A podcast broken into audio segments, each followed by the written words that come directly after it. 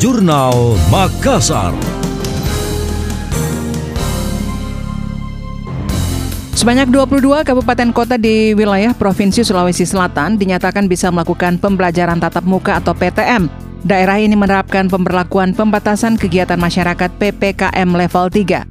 Pelaksana tugas Gubernur Sulawesi Selatan Andi Sudirman Sulaiman mengaku sangat mendukung kebijakan PTM.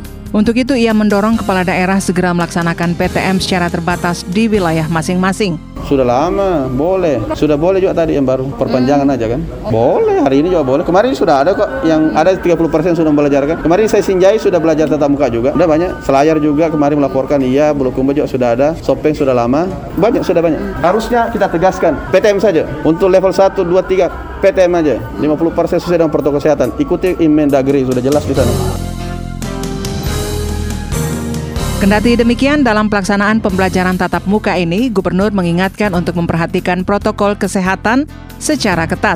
Selain itu, ia juga meminta agar pelaksanaan vaksinasi bagi pelajar, pendidik, dan tenaga kependidikan dapat dipercepat untuk membangun herd immunity atau kekebalan kelompok.